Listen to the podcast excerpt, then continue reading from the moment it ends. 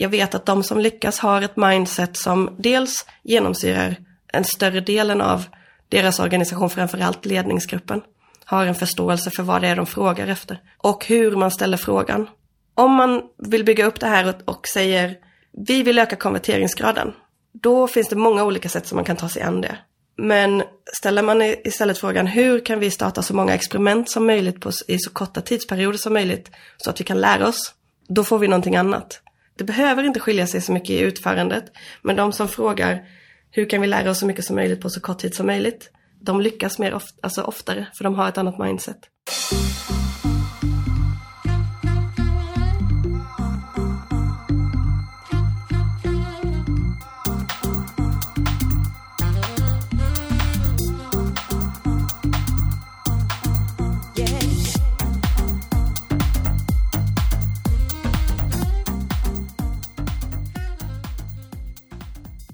Välkommen tillbaka till Digital marknadsföring med Tony Hammarlund. Det här är en podd där jag intervjuar branschexperter och marknadsförare för att lära mig mer om digital marknadsföring.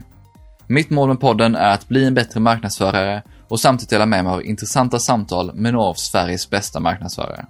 I veckans avsnitt har jag med mig Joni Lindgren som är Growth Director på Rebel Bird för att prata just growth hacking. Joni är en av Sveriges främsta experter på området. Tillsammans med kollegorna på Rebel Bird så arbetar de som digital partner till några av Sveriges största varumärken. De har bland annat varit med och byggt upp Spotifys growth-metodik, så hon vet vad hon snackar om. Tillsammans med kollegan Jasmin Jaya så leder Joni även Rebel Birds populära podcast Growth-podden. Som du förstår så är Joni den perfekta gästen att prata med om det här. Joni har även en lång bakgrund inom konverteringsoptimering och webbanalys från konsultbolaget Outfox. Det var också här hon först kom i kontakt med growth hacking. Som om det inte vore nog så har han även föreläst på både Bergs och Hyper Island. Vi går i avsnittet igenom vad growth hacking är och Joni berättar bland annat varför hon endast säger growth. Joni förklarar också vad som skiljer growth hacking från traditionell digital marknadsföring. Vi går sedan igenom vad man behöver ha på plats före man börjar, hur arbetsprocessen ser ut inom growth hacking och hur man skapar framgångsrika korsfunktionella team. Joni förklarar även varför det är så viktigt att ha rätt mindset för att lyckas, för som hon säger, den som läser mest på kortast tid vinner. Du får bland annat också höra vad high tempo testing är, hur man skapar en tillväxtmodell och varför man måste ha en gameplan. Jag tycker det här är otroligt intressant och hoppas att du också kommer göra det. Precis som vanligt så hittar du länkar till de verktyg, bloggar, poddar, böcker och andra resurser vi nämner i poddelägget på tonyhammarlund.io. Så du behöver inte anteckna. Efter länkarna så hittar du även tidsstämplar till olika sektioner i intervjun så du kan hoppa tillbaka. Nu kör vi och Joni börjar med att förklara vad growth hacking är. För mig så är growth hacking ett, ett sätt att jobba. Jag brukar bara säga growth. Eh, hacking har liksom fallit bort för min del. För att det blir så hackigt. Ordet fyllde nog en funktion, eller fyller en funktion kanske för att differentiera eh, sättet att jobba. Man, man vill att det ska vara snabbare. Vi jobbar lite säga, smutsigare, quick and dirty för att validera hypoteser innan vi går in i större liksom, utvecklingsprojekt, innan vi kastar en massa pengar på att bygga funktionalitet, eh, så har vi validerat att det är värt att göra det. Jag är inte helt säker på vad, vad hacking-ordet kommer ifrån, men jo, men delvis så hade det också att göra med att, att man ville utnyttja ny teknik i sin kommunikation eller produktutveckling för att eh, det finns ett värde i att vara först på någonting. Om du var först med att starta en Facebookgrupp så då har du liksom oddsen på din sida att du blir störst. Och vad du sen gör med den gruppen för att liksom generera någon typ av affär, det får du bestämma sen. Och sen att liksom tweaka den här nya tekniken till din fördel. Eh, och där kommer det också in den här tekniska biten, att du kanske behöver jobba med fronten i kombination med din kommunikation. Jag läser just nu Hack and Growth av eh, Sean Ellis och Morgan Brown. Mm. Var det de som myntade det här begreppet eller fanns det här tidigare? Jag vet inte. Det sägs att eh, han, eh, Sean Ellis var han som myntade det. det. Kanske var det. Men jag minns jättestarkt när jag hörde ordet growth första gången. Alltså på, på riktigt så här, satt i köket på lunch med mina Outfox-kollegor då, där jag jobbade tidigare. Och så här, hörni det här, det här growth någonting, ni kommer höra det igen. Jag minns det. ja, det är inte en lögn. Men om du skulle beskriva vad growth eller growth hacking är i en mening, vad skulle du säga att det är? Snabb digital affärsutveckling. Enkelt och tydligt. Vilka är de främsta fördelarna med att jobba så här? Varför är det att du har fastnat för det? För mig är det där en jättesvår fråga, för jag vet inte vad det andra sättet skulle vara att jobba. Min bakgrund är ju, alltså först någon typ av organisationsutveckling, change management från en ideell sektor. Och där lärde jag mig att liksom utveckla verksamhet. Så här, utifrån att en organisation ser ut på ett särskilt sätt, utifrån att man vill nå någonstans. Så det har den bakgrunden och sen så gick jag in och, i digital analys, konverteringsoptimering och som digital analytiker så följer du datan. Jag har liksom aldrig fått någon traditionell skolning i hur en marknadsavdelning fungerar. Vilka, så här, vad är en art director, vad är en copy, copyright, allt det där har jag fått liksom, eh, lära mig genom att ställa frågor utifrån vad jag ser händer i datan. Så säg att jag kom in på, en av mina första kunder där på, på Outfox var KTH till exempel. Och det man ska komma ihåg att data är ju, är ju beteende, människors beteende, interaktioner med en digital produkt. Så vad är det jag ser? Ja men människorna hittar till deras webbplats på något sätt. Och eh, ja men vilka är de då? Ja men för att få reda på det så måste jag ställa den frågan till dem. Ja men det visar sig att det är befintliga studenter, befintliga lärare. Det är i omgångar folk som kanske vill söka till KTH. Ja, okej, okay. och de här människorna, de har ju olika intentioner när de kommer dit. Och det avgör hur de hittade dit. Och vad man har med sig in till det här besöket, det påverkar vad man gör och vad man har för förväntningar. Okej, okay, men om, om vi vet att det här är liksom förutsättningen, och det här är ju en del av en kundresa. Om det är förutsättningen och vi vill att de ska nå X, var faller vi bort i så fall? Och beroende på vad datan visar mig att problemen är så behöver jag gå till olika personer och berätta om de här insikterna. Så ibland så har jag hamnat på det som tydligen kallas då på marknadsavdelning. Och ibland så har jag hamnat på IT och ibland så har jag hamnat på produktutveckling som ibland också är IT. De här organisatoriska silorna är någonting som jag fått lära mig i efterhand. Så när du ställer frågan till mig, så här, vad är bättre med det här? I don't know, it makes sense. För att jag följer kundens resa. Så du kanske kan berätta för mig. du säger ju att du inte har den här egna erfarenheten av att jobba på marknadsavdelningen. Så. Men om du skulle sätta, vad är skillnaden på att arbeta med traditionell digital marknadsföring och att arbeta med growth hacking om vi pratar ur ett marknadsperspektiv? Jag tror att det handlar om hur mycket man sätter kunden först. Min föreställning är att traditionell marknadsföring utgår ifrån mer så här, vi ska sälja så här mycket eller vi vill ha in, alltså man har satt mål som är bra för affären att uppnå. Och så har man planerat aktiviteter som man tror ska bidra till att uppnå de målen. Och vad de aktiviteterna är baserar sig på vad man liksom traditionellt vet har funkat. Ja, men, ja, men tv-reklam, ja men då, det driver ju in eh, trafik till sajten också. Det ser vi ju, det går ju upp lite här. Men eh, i growth hacking så är du, du kan aldrig göra någonting utan att hela tiden gå tillbaka till datan och validera att hypotesen om att tv-reklamen är det bästa är starkare än eh, att göra någonting annat. För att vi, vi försöker samla alla hypoteser om vad som är mest effektivt för att nå målet i någon typ av lista. Och själva prioriteringsmodellen som man väljer för att avgöra vilket som eh, är mest effektivt är inte längre någons magkänsla eller någons titel, utan att det är databaserat. Utifrån vilken impact kan det här ha och vilka datapunkter behöver vi samla in för att kunna validera vilken impact det kan få. Hur många kommer beröras av det här? Hur vet vi att det här är bättre än någonting annat? Så att prioriteringsmodellen för vad vi gör är en nyckelaktivitet inom growth hacking som inte finns i traditionell marknadsföring, tror jag. Det är jag nog helt beredd att hålla med om, för det känner jag inte riktigt finns i, om man nu kan kalla någonting för traditionell digital marknadsföring. Mm. Men det här tänket då att arbeta med growth eller growth hacking, är det här bara för startups? För det är ju mycket där det skrivs om det. Eller är det här också för mer, vad ska man säga, traditionella företag? Det är definitivt för traditionella företag. Kanske ännu mer än för startups nu. För att eh, det som traditionella icke-digitala företag har som en last och som alltid kommer vara ett handikapp för dem är en legacy i sin, sina tekniska miljöer. Sitter man på IT-system som, som är gamla och man har byggt in sig i dem och fortsatt att bygga på dem så kommer du att ha en enorm nackdel gentemot en, en startup. För en startup är fri från teknisk liksom, skuld. Man har ingenting att ta hänsyn till riktigt.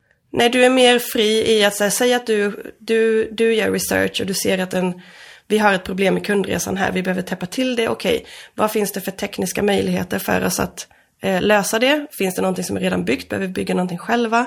Man är ju fri på ett helt annat sätt att kunna jacka in nya tekniska lösningar. Alltså de här nya tekniska lösningarna som gör att du kan ligga steget före och utnyttja liksom att du är först på marknaden med någonting. Ett större eh, traditionellt företag som har en massa liksom, miljöer som hänger ihop. Det är jättesvårt för ett traditionellt företag att bara ta till sig ny, nya tekniska möjligheter.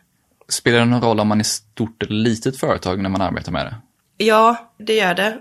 Och då är storleksordningen hur mycket data vi har. Så du skulle ju kunna vara ett litet företag i hur många anställda du har. Men du behöver ha en bas av användare som är tillräckligt stor för att vi ska kunna validera hypoteser med ett statistiskt signifikant resultat tillräckligt snabbt. Så vi vill kunna kommer komma in mer på vad ett experiment är. Men om vi gör ett experiment så vill vi liksom från start till mål kunna göra det inom två veckor och säga att nu har vi ett resultat. Tar det längre tid än två veckor så det finns säkert ett värde där men då börjar det ta för lång tid. Och hur många användare eller webbplatsbesökare liknande behöver man ha då för att ett experiment ska kunna gå på två veckor som du säger då? Det är jättesvårt för det beror på många saker. Om vi gör ett experiment så måste vi bestämma oss för vad som är målet. När vet vi att användaren nådde det vi, vad är det vi vill att de ska göra? Och det vi vill att de ska göra behöver hända helst 500 gånger per version. Så om du har en originalupplevelse så vill vi att konverteringen eller vad vi ska kalla den, målhändelsen, den ska ske 500 gånger eller fler. I ungefär samma storleksordning då på utmanaren. Då har man något typ av värde att titta efter när man kan göra det egentligen. Då. Men vad börjar man då när man börjar arbeta med growth hacking? Man börjar med kundresan och att göra en modell för sin tillväxt. Vi kallar det för growth model och det, det begreppet kan man googla, då kommer man hitta saker. Tillväxtmodell, vet inte om det finns så mycket resultat där. Men om vi ska prata svenska, så en tillväxtmodell. Eh, och det handlar helt enkelt om att mappa upp sin liksom, användarresa eller kundresa mot affärsmålen och strategin som man har för att få in personer eh, och gå i någon typ av trappa från att man möts första gången till att man blir en lojal kund. Och tänka så här, om det här är vår affär och eh, det här är nyckeltalen som vi tittar på. Var någonstans har vi problem i vår kundresa? Och det kan vi bara ta reda på genom att göra research och analys. Och sen så måste vi, någon måste kunna svara på, men vad, vart vill vi nå? Vi kommer inte lyckas om vi bara säger, men vi ska jobba lite med growth. Du måste berätta för mig hur mycket du vill växa. Vad är ditt tillväxtmål? Vad ser du framför dig utifrån att det här är din affär nu, det här är din marknadsandel eller vad det nu är vi tittar på för siffror så måste du kunna berätta för mig, jag är här, jag vill dit. Det är först då som vi kan liksom göra en, en plan för hur vi ska nå dit. Så en growth model, en tillväxtmodell. Finns det någonting annat som man behöver ha på plats när man börjar arbetet? Ett mindset som genomsyrar hela företaget. För jag har kommit in på olika sätt, eftersom att jag har varit konsult så länge så har jag jobbat med olika företag. Och jag vet att de som lyckas har ett mindset som dels genomsyrar en större delen av deras organisation, framförallt ledningsgruppen, har en förståelse för vad det är de frågar efter och hur man ställer frågan. Om man vill bygga upp det här och, säger vi vill öka konverteringsgraden, då finns det många olika sätt som man kan ta sig an det. Men ställer man istället frågan hur kan vi starta så många experiment som möjligt på, i så korta tidsperioder som möjligt så att vi kan lära oss, då får vi någonting annat. Det behöver inte skilja sig så mycket i utförandet, men de som frågar hur kan vi lära oss så mycket som möjligt på så kort tid som möjligt? De lyckas mer of alltså oftare, för de har ett annat mindset. Men att man ändå är kopplat mot det här tillväxtmålet som man har satt upp i tillväxt eller growth-modellen då? Ja, för ingen, ingen företagare vill lära sig bara för att lära sig. Nej. Det är klart att man vill ju uppnå någonting med att man lär sig. Men fokuset ligger på lärandet och hur man kan utnyttja det man lär sig för att nå målet. Och då kanske det är en konvertering eller vad man nu vill kalla det. Jag skulle också säga att en viktig sak som skiljer growth från, om vi kallar det traditionell marknadsföring, är det här som jag pratade om förut, att vi följer datan, vilket betyder att vi följer kunder. Och då följer vi dem över hela resan oavsett vem i en organisation som äger frågan. För growth måste bygga på att du har en produkt som folk vill fortsätta använda. Och därför så blir det relevant för marknadsförare och säljare och alla i en organisation att kunna vara en del av att utveckla produkten och kundens vägnar. Ja, för det är ju någonting som man, när man läser både bloggposter och när jag läser den här Hacking Growth av eh, Sean Ellis och Morgan Brown. Mm. Det är just det här tänket kring product market fit. Mm. Är det det här du är inne på då kanske? Ja, precis. Du måste ha en produkt som är så pass bra att användare när de väl kommer dit vill fortsätta använda den. Och allra helst berätta för någon annan att jag har testat den här produkten. För då får du tillväxt på ett annat sätt än att... När jag jobbade på Outfox så var ofta vår våran beställare var marknadschefen. För vi jobbade med webbanalys och det har traditionellt legat hos marknadschefen. För man vill veta hur ens marknadsföring presterar. Vad får jag ut av varje krona jag spenderar? Jag hade två kunder parallellt. Jag hade ICA och jag hade Schibsted Sverige. De var ganska lika på ett sätt för att de har ju jobbat mycket med att driva in trafik till sina digitala kanaler. Och man använde den digitala kanalens liksom, startsidan var att liksom, det skulle motsvara reklamen som man hade ute. Och mitt uppdrag var att när trafiken kommer in så ska de köpa någonting eller, eller göra någonting. Jag upplevde att det var typ som att varje vecka så var det bara att ny trafik skulle slussas in, slussas in och så ska vi göra någonting med dem. Och sen är du färdig. Men nästa vecka så kommer samma personer in, för de konverterade inte förra veckan. Men marknadsförarna var alltså otroligt skickliga, liksom redaktörer och copywriters och all, jätteduktiga marknadsförare, så de var ju jättebra på att driva in trafiken. I ICAs fall så hade man inte riktigt produktifierat sin digitala närvaro, utan man hade en för att man, det behöver man ju ha. eh, på Schibsted så var det en, en specifik produkt som jag jobbade med, så kanske inte produkten riktigt höll måttet. Och därför så behöver du pumpa in och pumpa in och pumpa in trafiken. För mig kändes det som att stå i en eka som läcker in och bara så här, bara ösa, vet, ösa ut vatten. Eller tvärtom kanske. Det tog liksom aldrig slut och det blev liksom aldrig mer än... Och då har jag tänkt så här, men det måste vara, vi måste kunna göra det bättre än så här. Men hur vet man att produkten är tillräckligt bra för att verkligen börja arbeta med growth?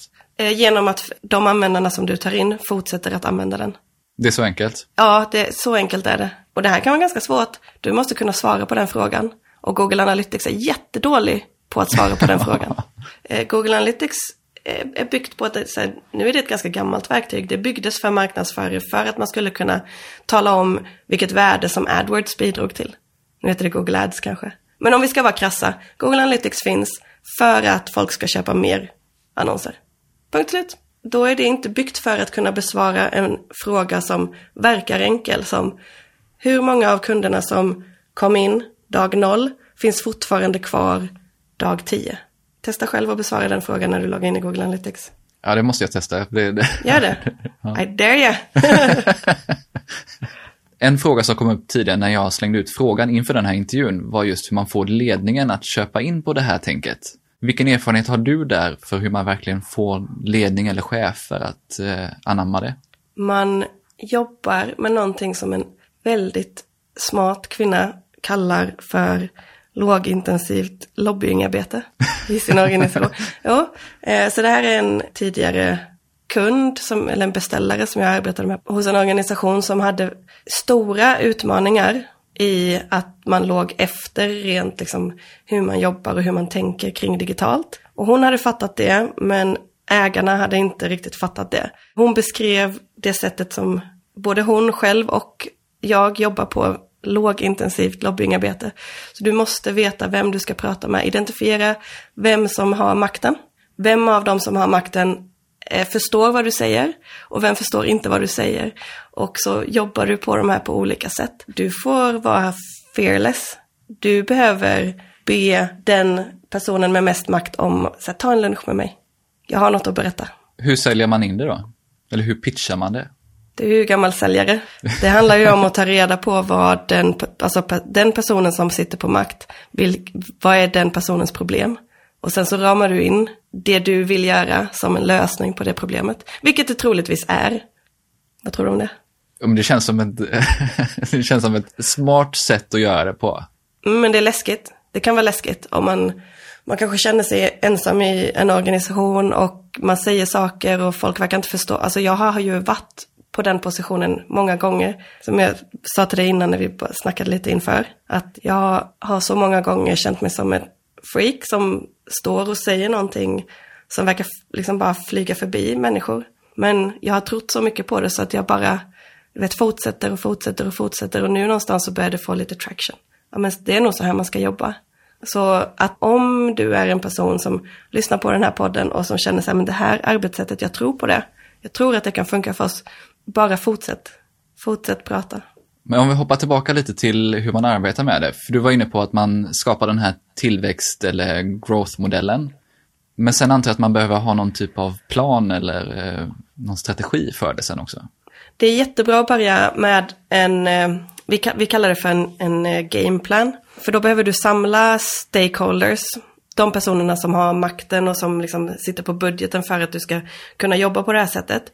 Om vi samlar alla dem och så fokuserar vi på hur vi lyckas. För att tänk dig att här, den som lär sig mest på kortast tid är den som vinner. Om vi kommer överens om hur mycket vi vill lära oss och vad som är en kort tidsperiod, vad är en iteration för oss? Så säg att för att vi ska få kalla det för high tempo testing, som är en process inom growth då. Vad är high tempo för oss? Ja, men vi, vi behöver nog i alla fall starta två experiment i veckan för att det ska få kallas high tempo. Kanske ett test i veckan, men det blir inte så mycket per år. Och sen så hur långa är våra testiterationer? Kan vi svara på om ett test har ett resultat inom två veckor? Det kan vi för att vi har den här trafikmängden eller användarbasen. Ja, men då kör vi att vi startar två experiment i veckan och vi tror att de kommer att löpa ungefär två veckor. Så vi kommer ju parallellt att ha fyra experiment igång hela tiden. Då har vi en high tempo. Vi behöver bestämma oss för vilket metric vi tittar på. Och det kan vi bestämma för en, en specifik period.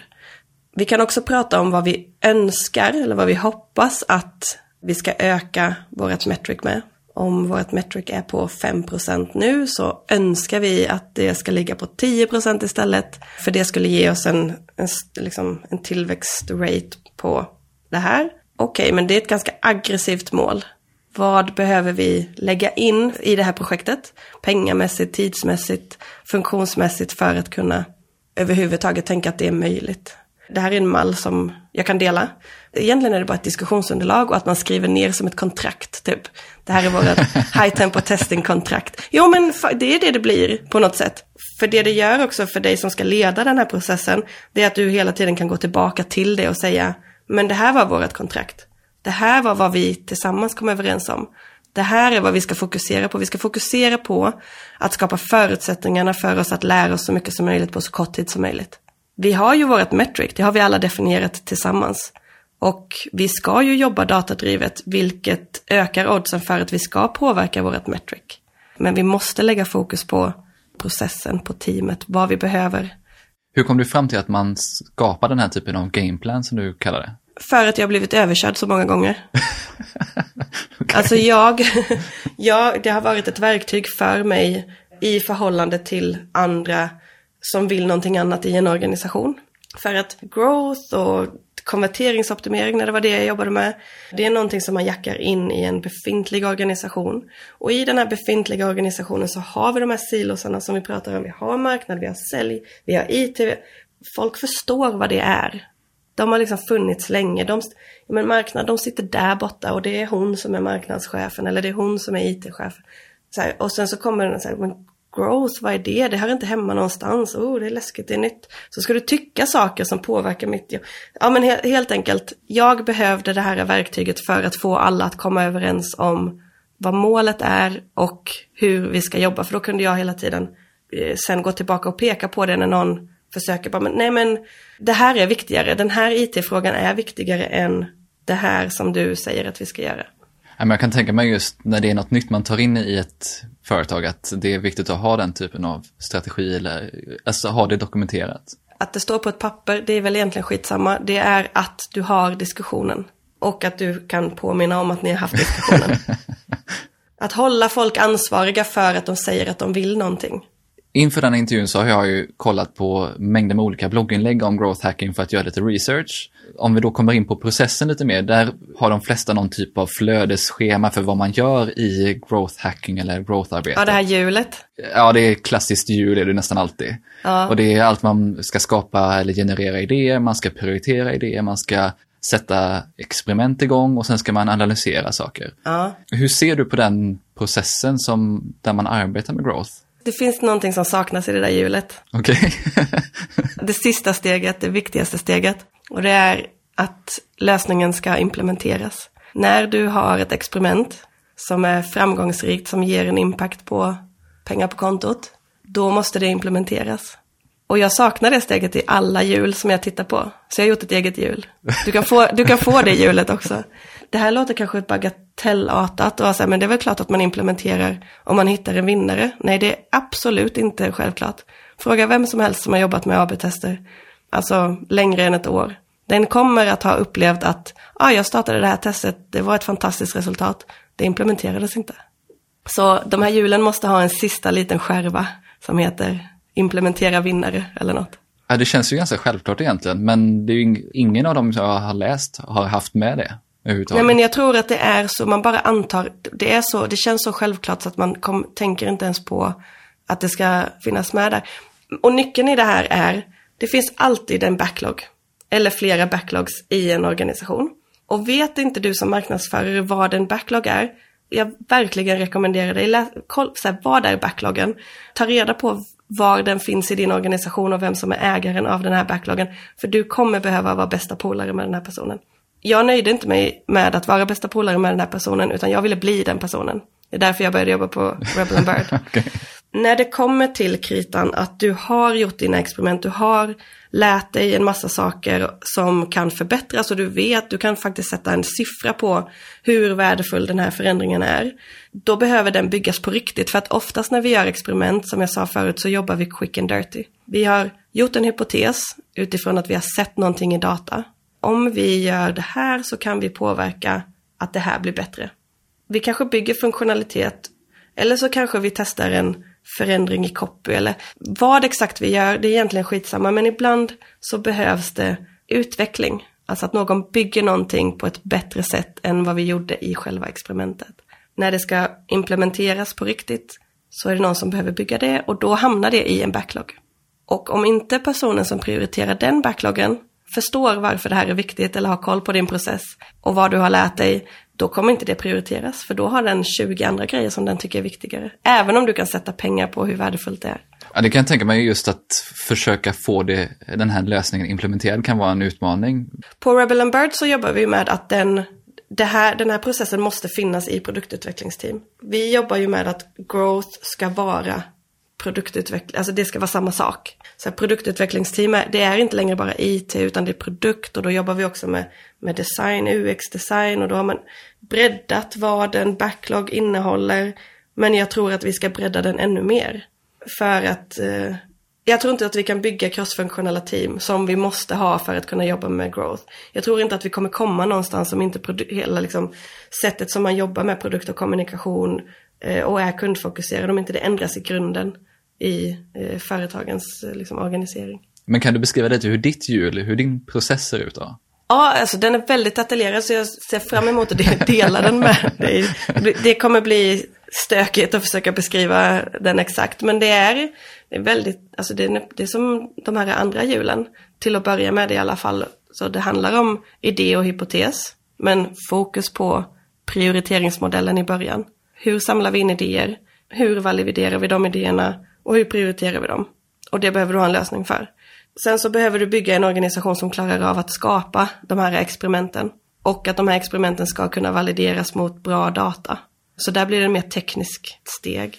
När resultat finns så behöver någon analysera dem. Där lägger jag väldigt, väldigt mycket fokus på att evangelisera lärdomarna utanför liksom mitt eget team. Så jag jobbar jättemycket med någon vi kallar det lite olika saker, men typ insiktsonsdag eller insiktstorsdag. Varje, så jag, jag tar mig en plats på ett kontor, alltså där det är öppet. Det kan vara typ matsalen eller någonstans där det är öppet. Jag sätter dit en skärm och så ställer jag mig där och pratar varje onsdag klockan 10 i en kvart. Och alla kommer få det här, för jag kommer se till att någon med access till allas kalendrar skickar ut en inbjudan. och så står jag där och pratar och det här gör vi hos alla kunder. Det får liksom inte inte finnas.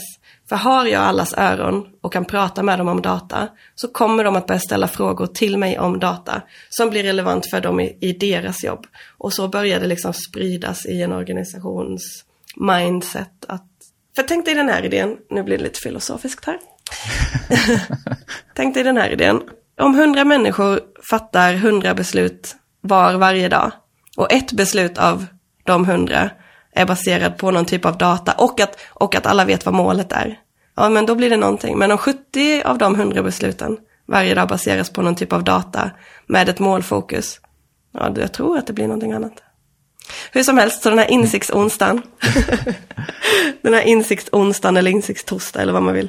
Jag tar en kvart och eh, hos en kund så var det väldigt tydligt. Den första, jag vet inte, fyra, fem, sex gångerna så var det tre personer från deras analysteam som lyssnade på mig. Men efter ett och ett halvt år så kom det 40 personer varje gång och lyssnade på vad vi har lärt oss från tester som vi har kört eller analyser som vi har gjort under veckans gång och dela med oss av det. Och har man allas öron så får man också mer mandat, alltså kanske mer outtalat mandat, att få göra saker. Folk kommer och frågar dig du, jag hade tänkt göra det här i min Facebook-aktivitet. Vad tror du om det? Alltså, jag vet inte. Men jag kan hela tiden påminna dem om vad är målet? Hur mappar det mot våran affär? Har du kollat upp det här? Har du validerat dina idéer på något sätt med dina användare? Ja, men du får hela företaget att börja tänka mer datadrivet egentligen. Och ja, tänka mer mot målet som man faktiskt vill uppnå. Exakt. Och hur ska du veta att du har lyckats? Ja, det här måste vara mycket mer kraftfullt än att bara slänga ut något eh, meddelande i Slack eller något mail om vad vi har gjort här den senaste tiden. Lägg aldrig tid på att skriva ihop ett mail med... alltså jag vet inte, folk, det kan man göra, men du spar, både sparar tid och är mer effektiv om du ställer dig någonstans. Och... Men om vi fokuserar på de, de andra bitarna, du pratar om att prioriteringsmodellen är väldigt viktig. Ja just det, vi var på hjulet, hur mitt hjul ser ut. Ja. jag håller ingen röd tråd. Jättedålig poddgäst. Ja men så det var idé och prioritering och sen så var det liksom själva utveckla experimenten som man vill göra och ha koll på sin data så att den är ren och så. Och sen är det analysera, sprida insikterna och den sista biten är implementera. Se till så att det du gör, det du lär dig faktiskt bli, kommer ut och möter användare i full skala. Inte förrän då är du klar med den här processen. Och vissa experiment som man gör är ju större. Det kanske, det kanske är experiment där man försöker validera att man har en, en helt ny, alltså en innovation, en, en helt ny typ av produkt för sin marknad eller då kanske det där att implementera det, det kanske blir ett helt nytt affärsben i din organisation. Det kan ju vara på den storleksnivån också. För att visualisera lite, vad är bra exempel på typ av tester man ofta gör? Många företag missar potential i sin onboarding. När någon har blivit kund eller skaffat ett inlogg eller liksom gjort den här konverterande aktiviteten. Vad händer sen? Vad är det första man möts, alltså vad möts du av den första dagen, vad möts du av den första veckan? För det finns ett begrepp som bland annat nämns i den här Hack and Growth-boken som är starkt och det är när trillar poletten ner? Vad är din kunds aha moment? Vad i din produkt eller tjänst är det som får dem att vara så här, ah, det här underlättar mitt liv. Därför kommer jag fortsätta att använda den. Och då har du ju en kritisk tid som vi kallar för onboarding. Från det att du liksom blir kund till att du får din aha moment. Och hur, hur optimerar vi den? Beroende på vad man har för produkt eller tjänst så har man mer eller mindre tid på sig. Men vi kanske har tre dagar på oss eller en vecka. Sen börjar folk liksom körna. Och att hitta hypoteser för hur vi kan optimera snabbheten till aha. Eller överhuvudtaget för oss att förstå vad aha moment är. Det är många som missar det för att marknad äger vad som händer fram till konverteringen. Produktteamet äger vad som händer i produkten. Och det här blir någon typ av liksom en liten gråzon eller det faller ofta mellan stolarna. Så där brukar det finnas potential. Och vad skulle man kunna göra för tester för att hitta det här aha-moment som du pratar om? Men vi tar ICA, många har en relation till ICA. ICA har ICA.se och så har de appar och sådär. Men, men eh, de driver ju mycket trafik till sin sajt. Vet du hur de gör det? Nej, men berätta. Re recept. Recept är deras, de har byggt upp en otrolig receptbank och de har jobbat med alltså SEO-tekniska lösningar för SEO.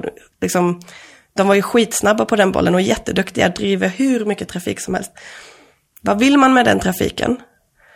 Jag vet inte riktigt längre. Det var ett tag sedan jag jobbade med dem, men jag skulle gissa att de vill att folk identifierar sig.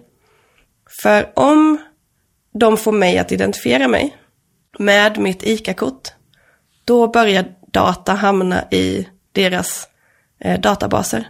Som de kan koppla till mina senare köp om jag använder ICA-kortet i affären, eller hur? Och här börjar vi hitta, här är det någon typ av värde för ICA. Så här, kom till ICA.se, identifiera dig för guds skull, det är bra för oss, så att vi kan sälja mer eh, och relevant till dig i affären. Okej, okay, men what's in it for me?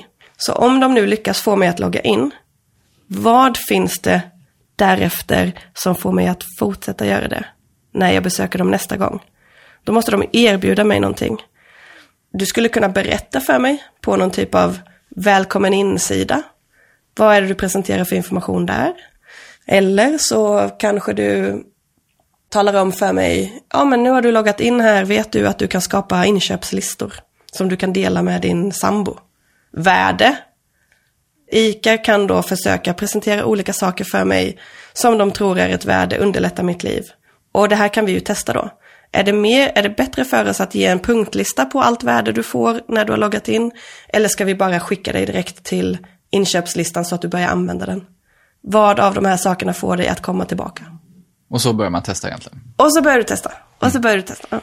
Du har nämnt high tempo testing ett antal gånger. Så vad är det för något egentligen?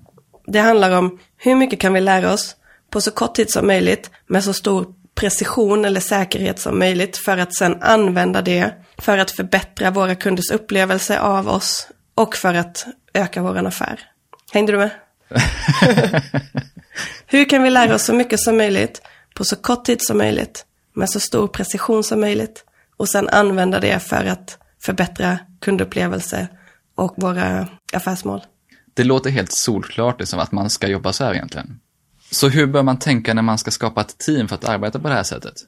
För det första så ska du ha personer som verkligen, verkligen tror på det här sättet att jobba och som själva har en driv i att förstå sättet att jobba. Du behöver ha någon som kan hålla din data ren och som kan tolka vad den här datan säger. Hur komplext det är beror på, alltså behöver du en data scientist eller behöver du en digital analytiker? Definitionen av dem får du nog ta i ett annat poddavsnitt, men hur komplext det är och hur mycket teknisk eh, kompetens en, en dataperson behöver, det är olika för olika företag och jag kan inte svara på vem som behöver vilket. Men en analytiker eller data scientist måste du ha, annars går det inte. Du kommer behöva en frontend person, någon som kan jobba med att koda saker och som tycker att det är kul att hänga med i den senaste tekniken. Och sen så behöver du ju någon som kan skapa saker som ser ut på ett särskilt sätt. Alltså, sen om det handlar om att du har någon som kan jobba med innehåll eller om det är en UX-designer. Det beror väl på både vad du har tillgång till och vad det, vad det är för nyckeltal som ni jobbar med. Så dels så handlar det om vad du, vad du har möjlighet till men också vad du måste ha. Behöver man ha någon som leder det här också? Du har pratat lite om att produktägaren ska vara growth lead och så vidare. Ja, du måste ha en person som är jävligt bra på att leda det här för att det ska bli någonting.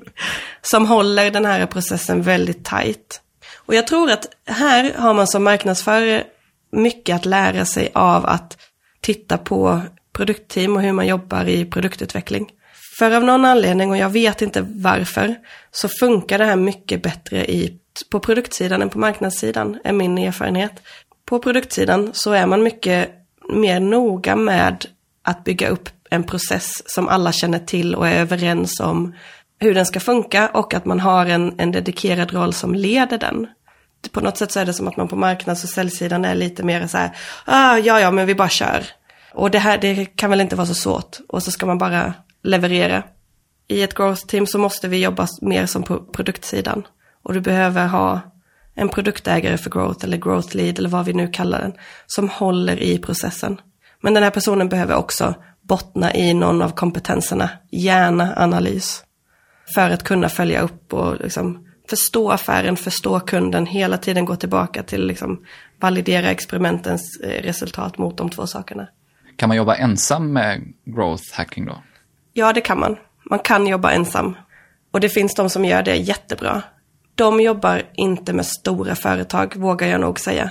Det finns jätteskillade personer som, som har både liksom förståelse för affär och marknad och teknisk kompetens som kan driva in en massa ny SEO-trafik till dig. Eller...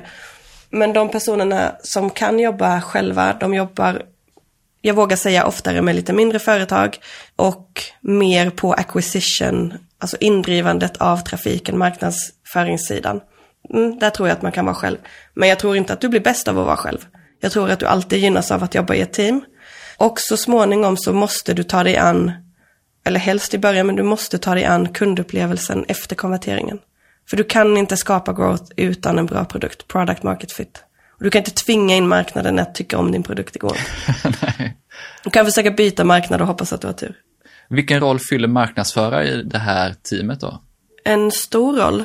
För att jag tror att marknadsförare är bra på att följa potentiella kundgrupper eller man, man har liksom, säg att du jobbar i kanaler som Facebook eller du, du sysslar mycket med e-postutskick. Du gör ju en massa saker som möter kunder snabbt. Och du lär dig av din liksom, empiri att eh, den här formuleringen funkar bra för den här gruppen. Du kanske inte vet varför, men du vet det. Alltså vilka ord man använder är ju jätteviktigt. Hur man att kunna beskriva saker på ett enkelt sätt. Det är ju en marknadsförares jobb, eller hur? Så precis lika viktig som en utvecklare är i det här teamet är den som kan prata med kunden. När du sitter som growth lead eller eh, leder det här arbetet, vilka marknadskompetenser är det du söker oftast efter? Copywriter. Någon som skriver väldigt bra.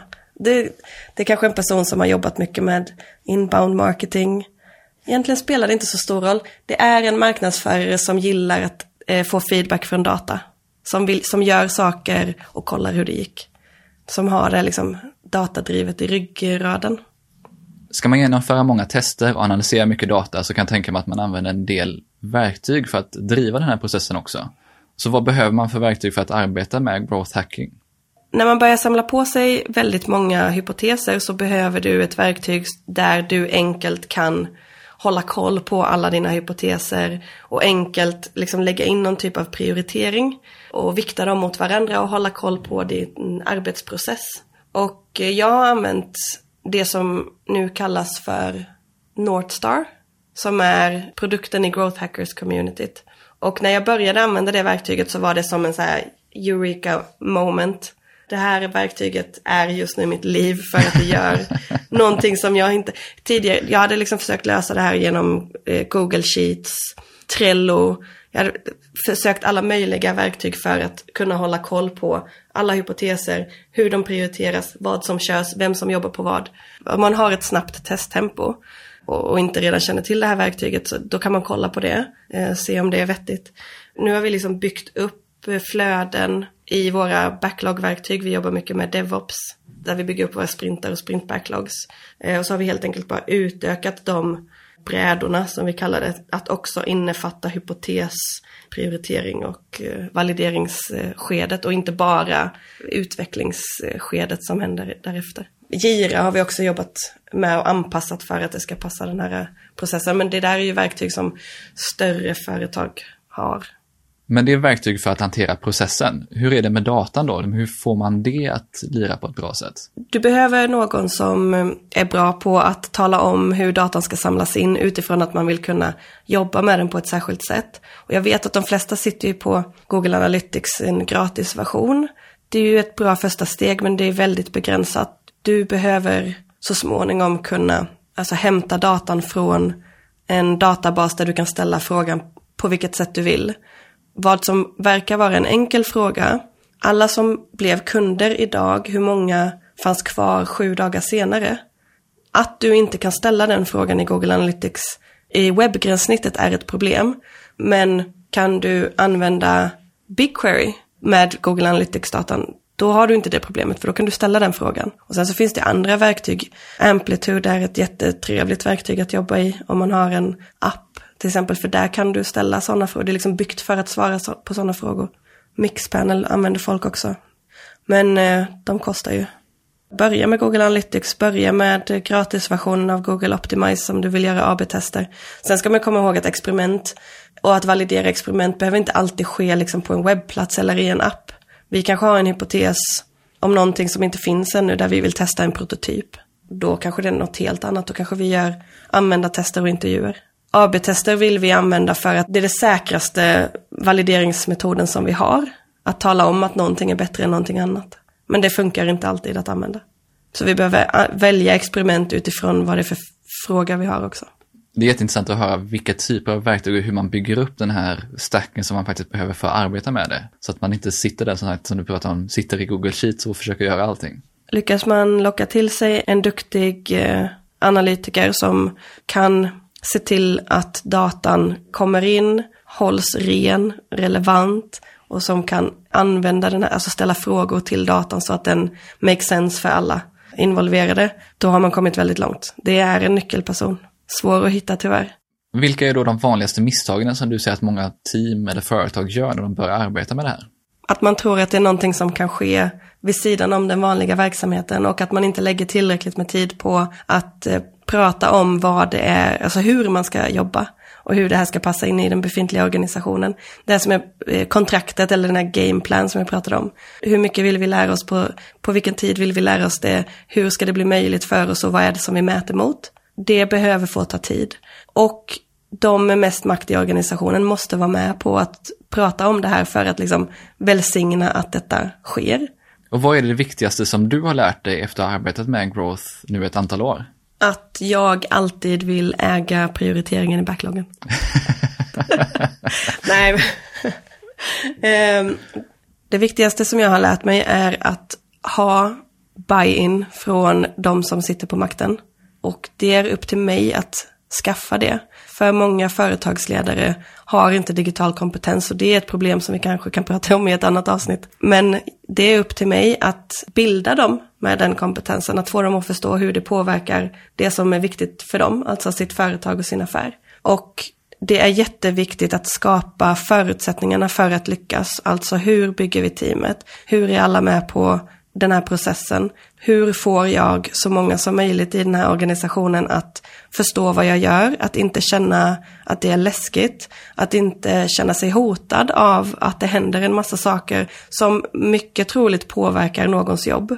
För det ska man också ha med sig att när man adderar den här processen till ett befintligt företag där folk har jobbat och gjort förmodligen ett bra jobb utifrån vad man har haft möjlighet till. Och så adderar vi den här growth-processen. Helt plötsligt så börjar vi validera saker. Då validerar vi någonting som någon annan har gjort. Det finns tår att trampa på. Det kan jag absolut tänka mig. Och att vara ödmjuk inför att det är så, då kommer man långt snarare än att springa in i väggar. Ja, ja, det är en bra, det är en bra lärdom faktiskt. På tal om lärdomar, om man tycker att det här känns som ett jättebra sätt att arbeta på, hur lär man sig mer om growth hacking? Om man är marknadsförare så skulle jag verkligen varmt rekommendera att sätta sig in mer i produktprocesser. Så det finns en, ehm, den heter Product School tror jag, jag tycker att de har en jättetrevlig blogg. Där de beskriver olika, liksom, så vad är en product manager, hur jobbar en, så här, vad är viktiga datapunkter. Nej, men hela deras liksom, content marketing liksom, innehåll är vettigt. Amplitude, ett analysverktyg som jag nämnde tidigare, har också en väldigt trevlig content-del. Med mycket fokus på data och väldigt stort fokus på growth. De gillar jag. Och är man en, är man liksom en traditionell, är man utvecklare eh, men är intresserad av growth, då rekommenderar jag att man sätter sig mer in i vad som händer på marknadssidan. För ju, ju mer förståelse och empati som vi i det här crossfunktionella teamet har för varandra, desto samarbetar vi. Vi har ju pratat om Hacking Growth av Sean Ellis och Morgan Brown. Ja, just det, eh, boken. Bok. Ja. Jag skulle säga första delen av den boken är trevlig, andra delen kan man skippa. Nej, men första delen beskriver mindset och process, andra delen beskriver taktiker. Och som vi har pratat om också, att, ja men taktiker är väl nice, men de flesta av oss kan hitta på taktiker. Det vi behöver lära oss är hur vi sätter ihop det så att det blir någonting vettigt över tid. Finns det några andra böcker eller kurser eller liknande som du skulle rekommendera att man kollar in som är liksom mer specifikt kring growth? Alltså jag lyssnade på en podd ett tag som heter Rocket Ship och eh, jag gillade den. Det var ett år sedan och lite liksom tillbaka. Men den, det är också ett produktfokus men med growth-tänk. Den gillade jag. Det fanns en podd som heter Growth Everywhere som jag också tyckte var trevlig. Han har bytt namn på den och lite an, gjort ett nytt fokus men det finns en hel del bra avsnitt där. Ja, men det är han, ja, Eric Sue va? Ja, precis. Ja, men den har jag lyssnat på. Leveling Up tror jag den heter nu, om jag inte minns helt fel. Ja, jag gillar inte det alls han bytte. jag kanske inte är hans målgrupp. Och på tal om poddar, du har ju också Growth-podden själv som ni ja. på Rebel and Bird driver. Du pratar innan om att ni också spelar in nya avsnitt nu. Ja, vi spelar in nya avsnitt och vi kommer också vara på Analytics Day i, jag tror det är 5 februari. Och då kommer vi köra en showcast där, när jag pratar med olika gäster på scenen. Men det blir också poddavsnitt av det där. Det ska bli jättespännande, superläskigt för en scenskräcksperson som jag. Och när kommer det här ut, de, de här avsnitten? Inom några veckor. Jag har faktiskt inget datum. Men det, det kommer. Ja, men jag prenumererar på podden så att jag, jag håller koll på när det kommer notiser där. Men utöver Growth-podden då, vad kan man följa dig annars? Eh, LinkedIn är bäst. Jag hänger mest på LinkedIn. Jag tycker vi har visat den här processen riktigt bra. Jag, alltså jag själv har fått bättre koll, känner jag, på growth hacking. Så jag får tacka så hemskt mycket för idag. Tack själv, det är jätteroligt att vara med. Du får vara med i min podd sen. Det ser jag absolut fram emot. Jag blev väldigt inspirerad av att prata med Joni och det märks verkligen att hon har data i blodet. Som marknadsförare finns det otroligt mycket att ta med sig för hur man på ett vetenskapligt sätt kan testa sig fram till framgång och riktig tillväxt. Det var också intressant att höra vilken roll marknadsförare fyller i den här typen av korsfunktionella team och vilka kompetenser som Joni oftast letar efter. Jag hoppas att du gillade avsnittet och att du fick med dig några grymma insikter som du kan använda i ditt jobb för att bli mer datadriven. I poddenlägget på tonyhammarlund.io hittar du som vanligt länkar till de verktyg, bloggar, poddar, böcker och andra resurser vi nämnde. Jag har även lagt in länkar till Growth-podden och Jonis LinkedIn. Du kan också ladda ner en mall för den gameplan som Joni pratade om i avsnittet och en presentation av hennes och Rebel and Birds growth-metodik. Och har du några frågor till Joni om growth hacking så kan du ställa dem i kommentarerna i poddeläget. Gillar du det här avsnittet och podden så hoppas jag att du prenumererar i din podcast-app. Då missar du inte när jag släpper nya avsnitt. Och dela gärna vidare till andra som du tror kan gilla det. Passa också på att skicka en kontaktförfrågan till mig på LinkedIn så kan vi prata mer digital marknadsföring där. Avslutningsvis vill jag passa på att tacka Mikael på Newbreeze Music som hjälper till med att producera den här podden och stå för musiken. Vi hörs snart igen med fler intressanta gäster och ämnen.